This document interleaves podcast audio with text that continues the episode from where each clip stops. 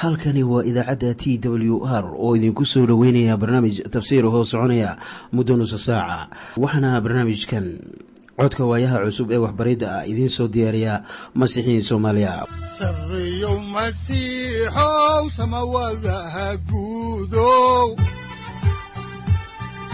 Siraadkii adduunkow subanaha eebow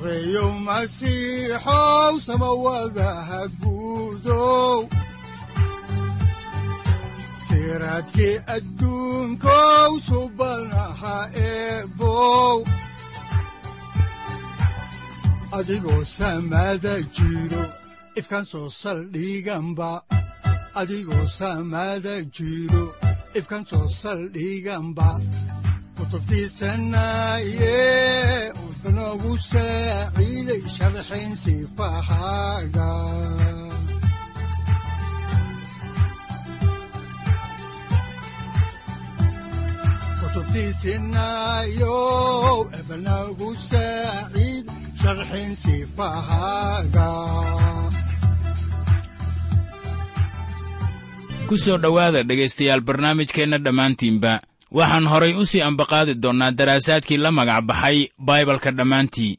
Waxaannu idiin sii wadi doonnaa caawa kitaabka xaakinnada oo qayb ka ah axdigii hore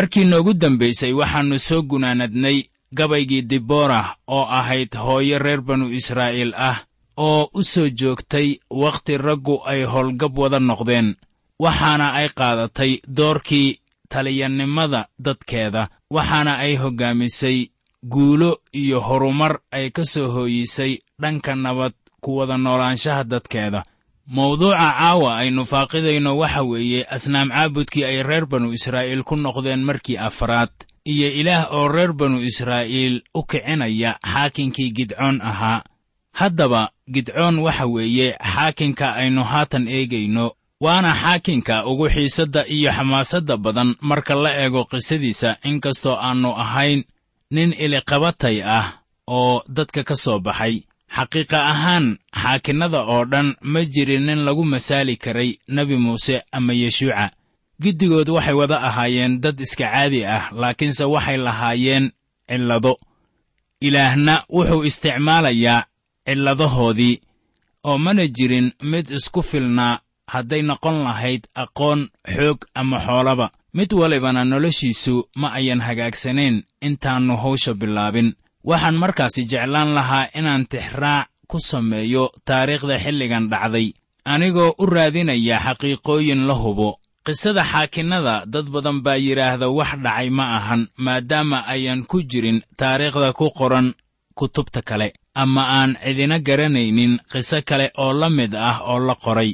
Laakiin dadkaas oo dhan way isbeddeleen fikrad ahaan haatan waayo waxaa horumar lixaad leh laga gaaray dhanka arkiyolojiyada iyo howlaha ay qabtaan ragga la midka ah briner molton brasted iyo gastang. Khubarradaasi hibadda loo siiyey baaritaanka taariikhaha ayaa waxay ina siinayaan asalka kitaabkan xaakinnada. Waxaannu iminka garanaynaa in wakhtiga ay qisooyinkan ku qoran kitaabka xaakinnada ay dhacayeen in masaaridu ay ahayd dawlad itaal daran ama aan xoog lahayn horay waxay masaaridu u ahayd dawlad xoog badan laakiin haatan waa itaal darnaatay iyadoo ay ugu wacan tahay dhibaatooyin xagga gudaha ah iyo qaaquul halkaasi ka taagnaa sababtaas aawadeed masaaridu waxay lumisay dalal badan oo xukunkooda ku hoos jiray waxaana dalalkaasu ay bilaabeen inay ku soo siqaan bariga iyo koonfurta badda cusbada leh.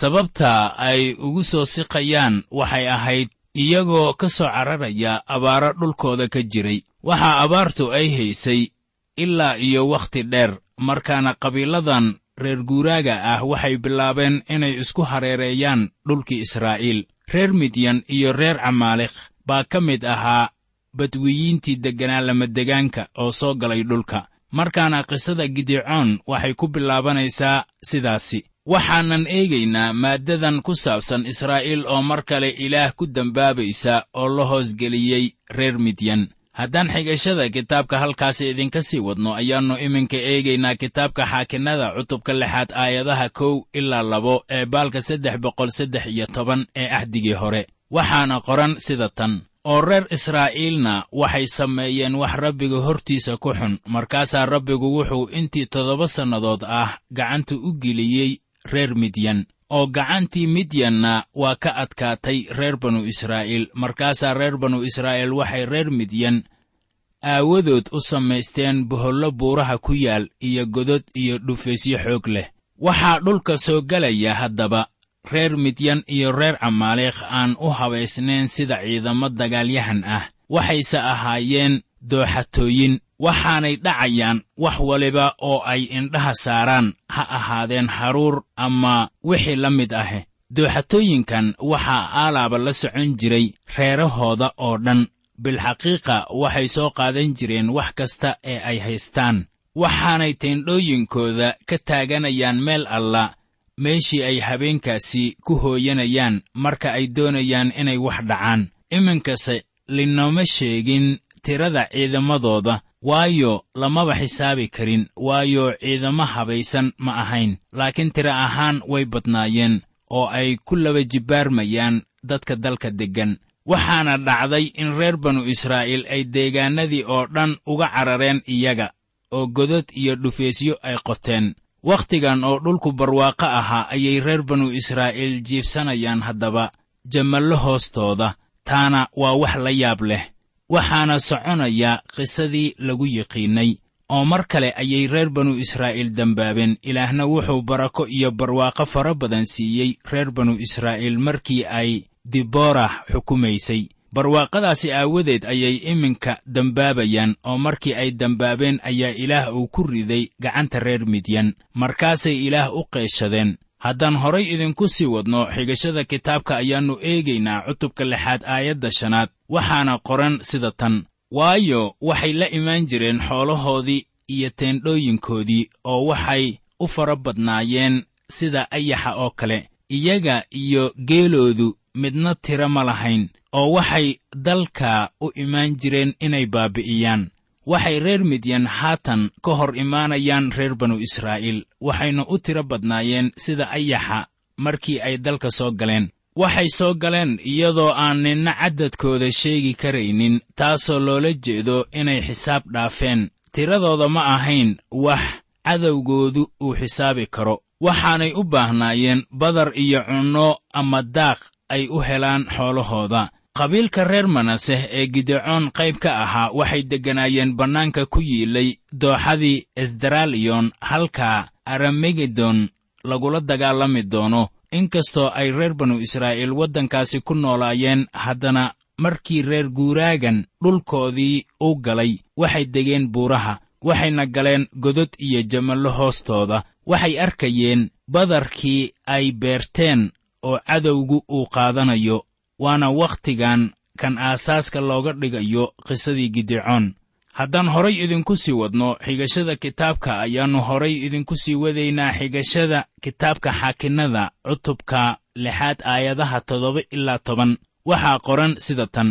Oo markii reer banu israa'iil rabbiga ugu qeeshadeen reer midyan aawadood ayaa rabbiga reer banu israa'iil uu u soo diray nebi oo wuxuu ku yidhi iyagii rabbiga ah ilaaha reer banu israa'iil sidaan buu leeyahay anaa idinka soo bixiyey dalkii masar oo waxaan idinka soo saaray gurigii addoonsiga waanan idinka soo samato bixiyey gacantii misriyiinta iyo gacantii kuwii idin dulmi jiray oo dhan oo kulligood intaan hortiinna ka eryey ayaan dalkoodii idiin siiyey oo waxaan idinku idhi anigu waxaan ahay rabbiga ilaahiinna ah oo waa inaydaan ka baqin ilaahyada reer amor oo aad dalkooda deggan tihiin laakiinse idinkuma aydnaan dhegaysan codkaygii.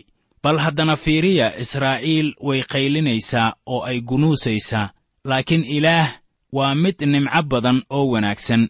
Nebi baa u yimid oo u sheegay waxa ay dhibkan ugu jiraan. Waxay u qeeshadeen ilaah ilaahna wuxuu mar kale u soo dirayaa xaakin kale. Bal aynu eegno maaddada ku saabsan gidecoon oo ahaa xaakinkii lixaad iminka marka qisadu halkan ay joogto ayaa ilaah uu u muuqday gidecoon isagoo aan malaysanaynin sida aayaddan kow iyo tobanaad laynoogu sheegayo waxaana qoran sida tan markaasaa waxaa yimid malaggii rabbiga oo wuxuu hoos fadhiistay geedkii cofraah oo uu lahaa yo'aash kii reer abiiceser oo wiilkiisii gidecoon ahaa ayaa sarreen ku tumayey meeshii macsarada inuu ka qariyo reer midyan haddaba marka ay xaajadu sidan tahay ayaa gidecoon laynoo baraynin sida nin geesi ah amase magac weyn lahaa miyaad garanaysaa wixii uu samaynayey? Wuxuu qalabka lagu sameeyo khamriga ku shiidayey qamadi. Waxaana buurtan hoos jooga gidecoon oo badarka shiidaya ama ku shiidaya qalab loogu tala galay in lagu burburiyo canabka. Miyaanay haddaba inoo muuqanin niyadjabka ninkan wuxuuna ka baqayey reer midyan inay badarkan uu ku dhibtooday ay ka qaataan. Markan uu dhanka hoose ee buurta ku shiidayo badarka ayaa buunshihii la doonayey in dabeeshu ay kaxayso isagay ku soo noqonayeen wuxuuna ku dhegayaa jidhkiisa iyo dharka uu xidhan yahay. Inkastoo niyadjab iyo baqdin ay ka muuqatay gidecoon ayaa haddana ilaah uu doonayaa inuu isticmaalo ninkan waxaannu kaloo arki doonnaa asbaabta ilaah uu u doonayo inuu isticmaalo ninkan oo kale. Waxaa dhacday in wakhtigaasi malaa'igtii rabbiga oo badankeen aynu rumaysannahay inuu ahaa ciise masiix. Intaannu dunida imaanin uu u muuqday ninkan. Waxaana uu leeyahay sida ku qoran aayadda laba-iyo tobanaad ee cutubka lixaad. Waxaana qoran sida tan markaasaa malaggii rabbigu u muuqday oo wuxuu ku yidhi rabbigu waa kula jiraa nin yahow xoogga lahu. Markii aad u fiirsato waxay kula noqonaysaa inay tahay wax lagu qoslo marka la leeyahay ninkaagan xoogga leh.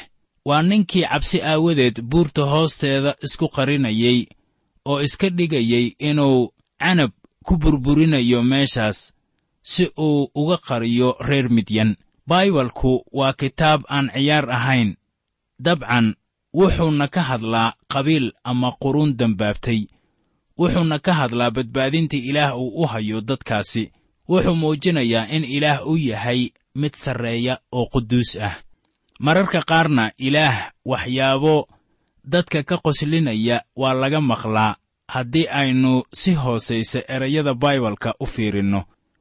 Waxay la mid tahay sida inuu haatan leeyahay nin yahow xoogga badan iyadoo welibana ninkaasi xoogga badani uu ka baqanayo rag tiro badan oo ku soo xoomay waddankiisa. Ciise masiix ayaa isaguna dadka ka qoslin jiray. Maalin buu farrisiintii ku yidhi sida ku qoran injiilka sida matayos uu u qoray cutubka saddex iyo labaatanaad aayadda afar iyo labaatanaad sida tan. Hoggaamiyeyaal yahow indhaha la'ow oo kaneecada iska miidha oo owrka liqa haddaanay kula ahayn intaasu ay tahay wax lagu qoslo ayaan kuu sheegayaa inaadan weligaaba geel arag. Waxaanad la mid tahay kuwii yidhi geel indhakuul maxaska ka saa. Waxaanan halkan ka ogaanaynaa in ilaah inkastoo uu yahay ilaah mar waliba dhirifsan haddana uu ku hadlo wax kaa qoslin kara. Tan inaga qoslinaysa ayaa waxay tahay markii ilaah uu ugu yeedhay gidicoon nin xoog leh inay ka dhigneen inuu fulay ahaa gidicoon markii malaggu uu ku yidhi nin yahow xoogga weyn ayaa waxaa hubaal ah inuu gadaal fiiriyey waayo lama ahayn inuu xoog weyn leeyahay isaga. Si kastoo ay tahayba ilaah iminka wuu u yeedrayaa si uu dadkiisa u samato bixiyo. Wuxuuna iminka u yeedrayaa nin aan caadi ahayn oo cuqdad nafsi qaba fikrad ahaan. Haddaba haddaan xigashada kitaabka xaakinnada horay idinku sii wadno ayaa waxaa qoran cutubka lixaad aayadda saddex iyo tobanaad sida tan oo markaasaa gidicoon malaggii ku yidhi sayidkaygiyow haddii rabbigu uu nala jiro dee maxaa waxyaalahan oo dhammu ay noogu dhaceen? Oo meeye kulli shuqulkiisii yaabka lahaa oo ay awowayaashayo noo sheegeen oo ay nagu yidhaahdeen miyaannu rabbigu naga soo samato bixin dalkii masar. Laakiinse haatan rabbigu waa na xooray oo wuxuu gacanta noo geliyey reer midyan. Malaggii rabbigu haatan ma odhan israa'iil baan la jiraa laakiinse wuxuu yidhi rabbigu wuu kula jiraa gidicoonow sida daacadda ah reer banu israa'iil lama uusan jirin dembiyadooda awgii. Hase yeeshee gidicoon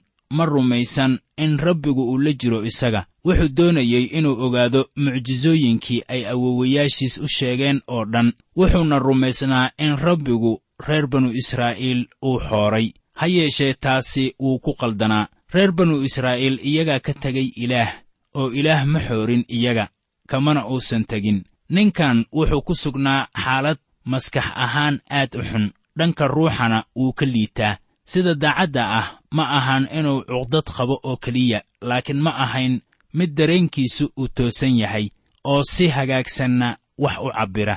Wuxuu ahaa mid tabar daran oo aan geesinnimo lagu arag. Inkastoo weliba uu fulay ahaa haddana ilaah baa u yeedhay isaga haddaan qisada kitaabka horay idinku sii ambaqaadno ayaannu eegaynaa kitaabka xaakinnada cutubka lixaad aayadda afar iyo tobanaad. Waxaana qoran sida tan. Markaasaa rabbigu isagii eegay oo wuxuu ku yidhi xooggaagan ku tag oo reer banu israa'iil ka badbaadi gacanta reer midyan soo kuma aanan dirin waxay tanu noqonaysaa u yeedhistii iyo xil udhiibistii gidicoon waxaana ay noqonaysaa xil udhiibis niyadsami leh. Waa wax xiise leh haddaba in weliba wakhtigan aannu gidicoon ilaah rumaysnayn. Waxaad kaloo ogaataa in gidicoon uu yidhi sida tan ku qoran aayadda shan iyo tobanaad oo leh markaasuu isna wuxuu ku yidhi sayidow maxaan reer banu israa'iil ku badbaadiyaa? Bal eeg reerkaygu waa kan ugu liita reer manaseh oo anna waxaan ahay kan ugu yar reerka aabbahay. Bal in yar ka fakar wixii gidicoon ilaah uu ku lahaa markaasoo aynu bal eegayno fikirkiisa. Wuxuu leeyahay ilama ahan inaad aniga i weyddiisanayso inaan badbaadiyo reer banu israa'iil. Waxaan anigu ka mid ahay reer banu israa'iil waxaanan ku hoos jirnaa cadaadiska reer midyan. Waa wax dhib badan in masar addoommo loo ahaado laakiin bal ka fakar qolyahan reer baadiyaha ah ee reer midyan. Waxaannu ku jirnaa addoonsi oo aniguna halkan baan isku qarinayaa oo badarkayga aan ku shiidanayaa anoo hoos jooga buurta hoosteeda. Inkastoo ay wanaagsan tahay in badarka lagu shiido buurta dhaladeeda. Adiguna aniga ayaad ii yeedraysaa haddaba qabiilka reer manaseh laguma arag nin door lagu garanayo karti dheeraad ah. Haddaba qabiilka reer manaseh laguma arag nin door lagu garanayo karti dheeraad ah. Waxaanay ahaayeen kuwo aan ku wanaagsanayn meel waliba ee loo diro. Wuxuu leeyahay innagu ma ahin dad magac leh. Aniguna waxaan ahay kan ugu yar reerka aabbahay. Marka wuxuu leeyahay ma ahayn in aad u yeedrato mid sidayda oo kale ah oo aan micno lahayn. Horay baan idinku sheegnay in ninkani cuqdad nafsi uu qabay. Wuxuu kaloo leeyahay reerka aabbahay waa xubeero ninkanu wuxuu leeyahay anigu waxaan ahay qofka ugu liita ee israa'iil jooga. Sababtaas aawadeed baa ilaah uu u yeedhay isaga. Laakiin baryaheenna waxaynu innaga oo dhan iska dhignaa kuwa xoog badan oo ilaah ay qasab ku tahay inuu na isticmaalo. Taasina waa fikrad khaldan. Waxaadse iminka garanaysaa in ilaah u isticmaalo kuwa itaalka daran. Miyayna haddaba dhegaystow kula ahayn sidaasi haddaan yare xiganno warqaddii koowaad ee rasuul bawlos uu u qoray dadka korintos cutubka koowaad aayadaha lix iyo labaatan ilaa toddoba iyo labaatan ee baalka laba boqol laba iyo sagaashan ee axdiga cusub waxaa qoran sida tan. U fiirsada waxa laydinku yeedhay walaalayaalow sidaan loogu yeedhin qaar badan oo xikmad leh xagga jidhka ama qaar badan oo xoog leh ama qaar badan oo gob ah laakiinse ilaah wuxuu doortay waxyaalaha nacasnimada ah ee dunida inuu ceebeeyo kuwa xikmadda leh oo ilaah baa doortay waxyaalaha itaalka daran inuu ceebeeyo waxyaalaha itaalka leh. Ilaah wuxuu isticmaalay xaakinnadan oo dhan laakiin ma ahayn inay ahaayeen niman karti iyo awood badan oo magac lahaa. Miyaa taasi ay ku dhiirigelinaysaa haddaba saaxiibow? Miyaadse garanaysaa waxa ilaah aannu inoo isticmaalaynin innaga. Sababtu waxa weeye inaan iska dhigno sida inaynu xoog badan nahay magac iyo karti xaddhaaf ahna aan leennahay. Bawlos oo sharaxaaddiisa sii wata ayaa inoogu sheegaya warqaddii koowaad ee rasuul bawlos uu u qoray dadka korintos cutubka koowaad aayadaha siddeed iyo labaatan ilaa sagaal iyo labaatan sida tan. Waxyaalaha hoose iyo waxyaalaha la fududaystana ilaah baa doortay xataa waxyaalaha aan jirin inuu waxyaalaha jira wax aan wax tarin ka dhigo si aan qofna ugu faanin ilaah hortiisa. Haddaba yaannu jirin nin ku faanaa qabashada howlaha ilaah. Waxaa halkan laynoogu sheegayaa in faanku uu xun yahay waana wax caadi ku ah bulshadeenna maanta. Waxaad arkaysaa nin xoolo badan bixinaya oo siinaya dad aan xigtadiisa ahayn sababta uu sidaas u yeelayana waxa weeye isagoo doonaya in dadka kale ay faaniyaan waxaad ogaanaysaa in haddii dadkiisu ay u yimaadaan uu ku leeyahay war naga taga waxba ma haysannee. Waa dhab in dad badani ay wax u bixiyaan istustus iyo faanfaan oo waxay la tahay in weliba ilaah uu aqbalayo saddaqadooda faanka iyo istustuska ah. Ilaah dooni maayo haddii aynu nahay wacdiyaashiisa inaan faan iyo magac doon noqonno.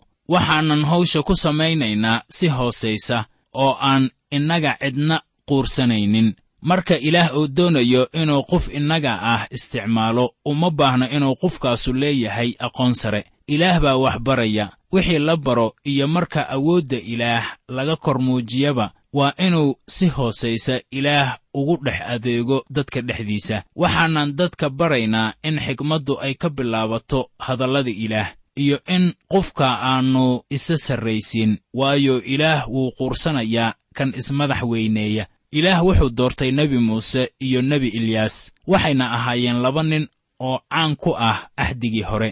Nin walibana wuxuu ilaah ugu adeegay qalbi hooseeya iyo daacadnimo. Nebi muuse wuxuu hor yimid fircoon oo haybad boqortooyo iyo awooddeedaba la siiyey kamana adkaanin. Ilyaasna wuxuu ka soo hor jeeday boqorraddii yasbeel ahayd iyo boqorkii israa'iil ee aaxaab ahaa iyo wadaaddadii bacaaliim oo idil. Wuuna ka wada adkaaday geddigood. Waxaad kaloo eegtaa itaaldarradii simon butros. Yaa dooran lahaa haddaba simon butros. Maxaa qof waliba uu u garanayaa in simon uu ahaa nin itaal daran sayidkeennuna wuxuu yidhi simonow waxaan kaa dhigayaa sida dhagax.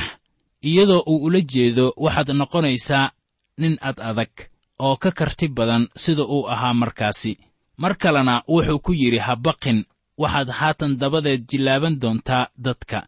Wuxuuna haatan leeyahay butrosow waxaad noqonaysaa kan aan doonayo oo waxaad jeedin doontaa khudbadii ugu horraysay ee kiniisadda maalinta bentekost taasoo saddex kun oo qof ay igu imaan doonto ama igu soo raaci doonto. Waxaanan ku muujinayaa inaan isticmaali karo nin waliba ee itaal daran meel waliba ee uu joogaba haatanna inkastoo gidecoon uu itaal darnaa ilaah baa ku odhanaya aniga ayaa kula jiraya.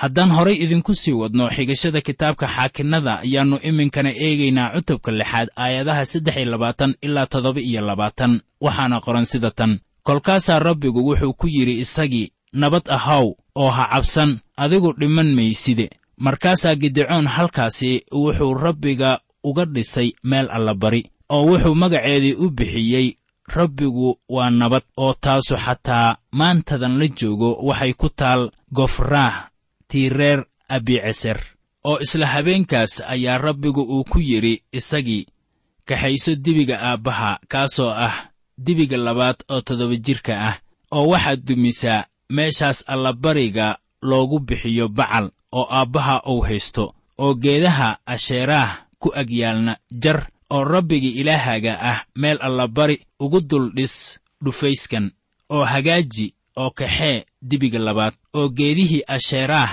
oo aad goysay qoryihiisa ku bixi allabariga la gubo.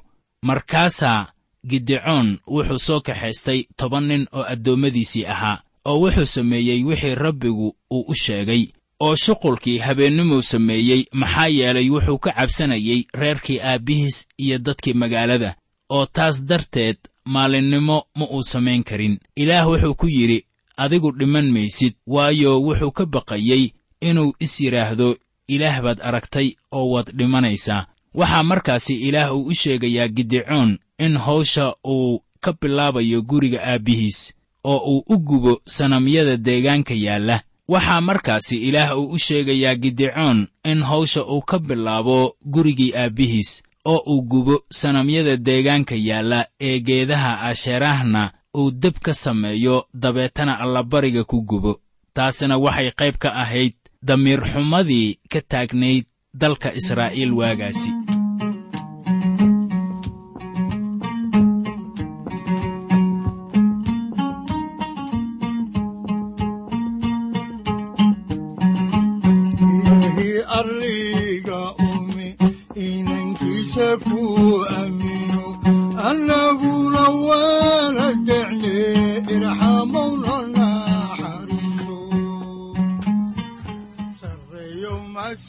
masiixow samawadaha guudow siraadkii adduunkow subanaha eebow adigoo samaada jiro ifkan soo saldhiganba adigoo samaada jiro ifkan soo saldhiganba kutubtiisanaye halkani waa t w r idaacadda t w r oo idinku leh ilaa ha idin barakeeyo oo ha idinku anfaco wixii aad caawi ka maqasheen barnaamijka. Waxaa barnaamijkan oo kalea aad ka maqli doontaan habeen dambe.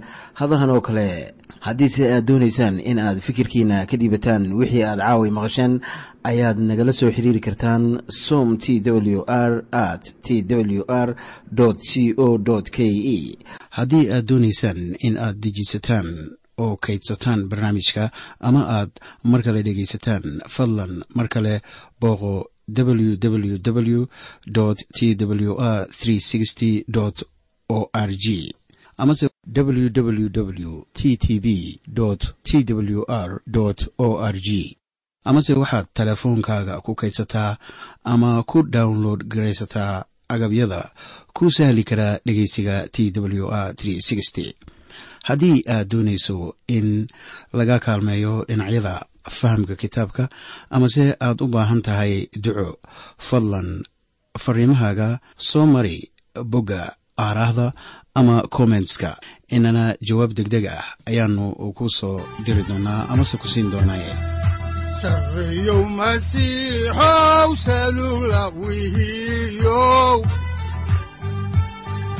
saacadda timid dhulka sabada ku dhalatiyo